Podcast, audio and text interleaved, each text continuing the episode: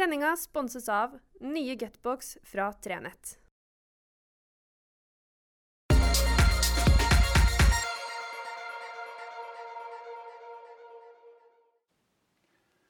Riktig god fredag.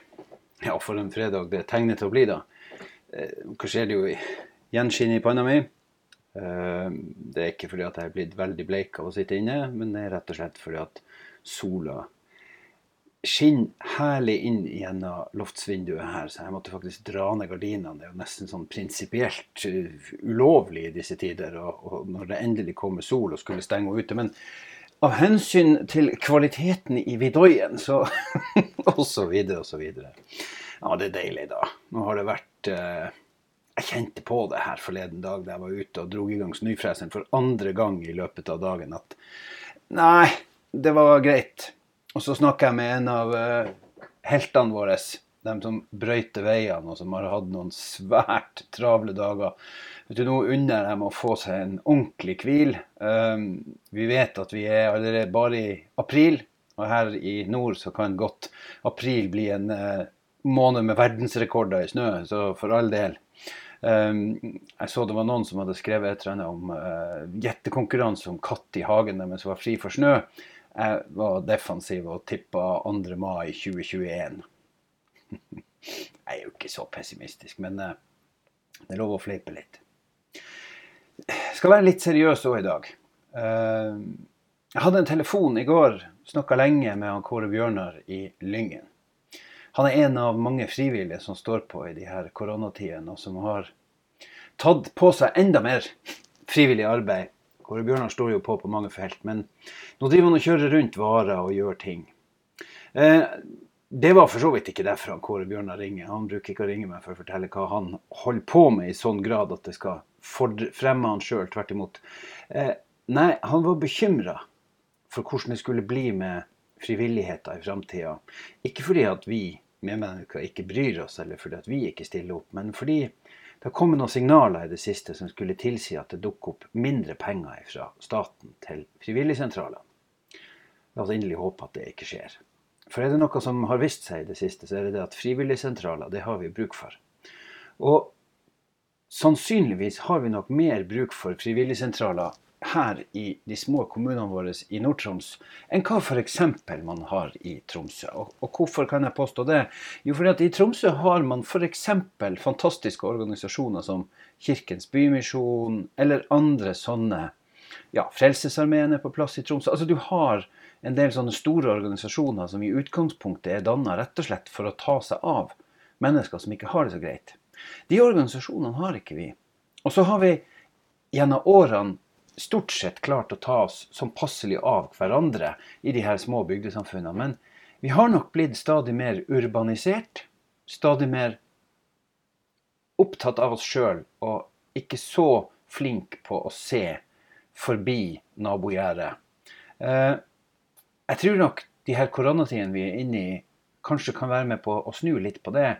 Men, men vi har behov for de her frivilligsentralene som kan trø til, og som kan se andre mennesker, og som kan sørge for at frivilligheter rundt omkring i kommunene at den blir organisert på en måte, og at den blir ivaretatt.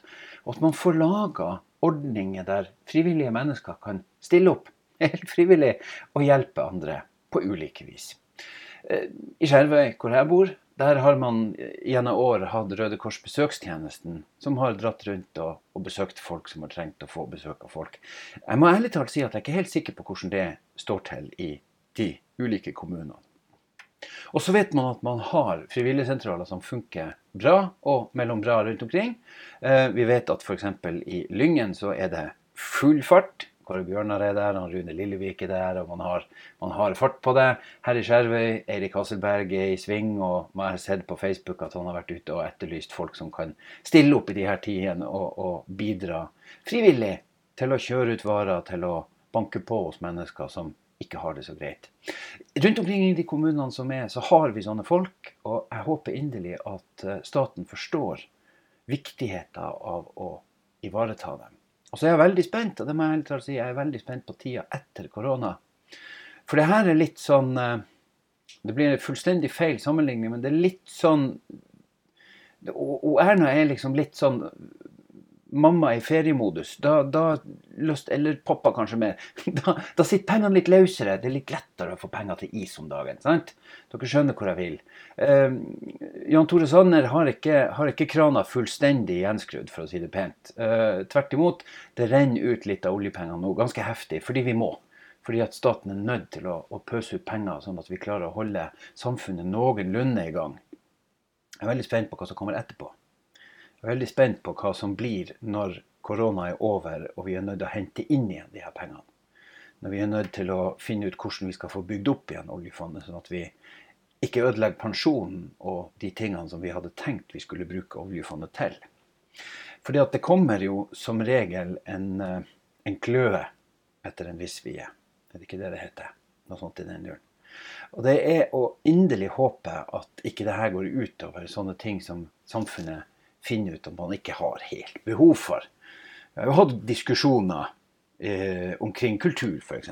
Skal det offentlige drive og, og, betale for kultur, eller skal kultur være noe som finansierer seg sjøl? Altså kommersialisering av kulturtilbudene. Og Sånne diskusjoner vil nok helt sikkert dukke opp på de tingene som vi ikke må ha. Og Da er det jo spørsmål om frivilligsentraler f.eks. Er noe vi må ha, eller som kommunene da eh, må finansiere sjøl med sine kanskje ikke bestandig altfor store pengesekker. Det blir veldig spennende. Jeg håper i hvert fall, inderlig og vel, at vi klarer å ivareta og til og med forsterke og bygge opp frivilligsentralene som vi har. Fordi at nettopp korona viser jo hvor utrolig behov vi har for dem. Den jobben som gjøres rundt omkring nå med å få ut varer til folk, sørge for at folk har ja, ved, eh, at alle de her basale behovene som vi har, at det surrer og går.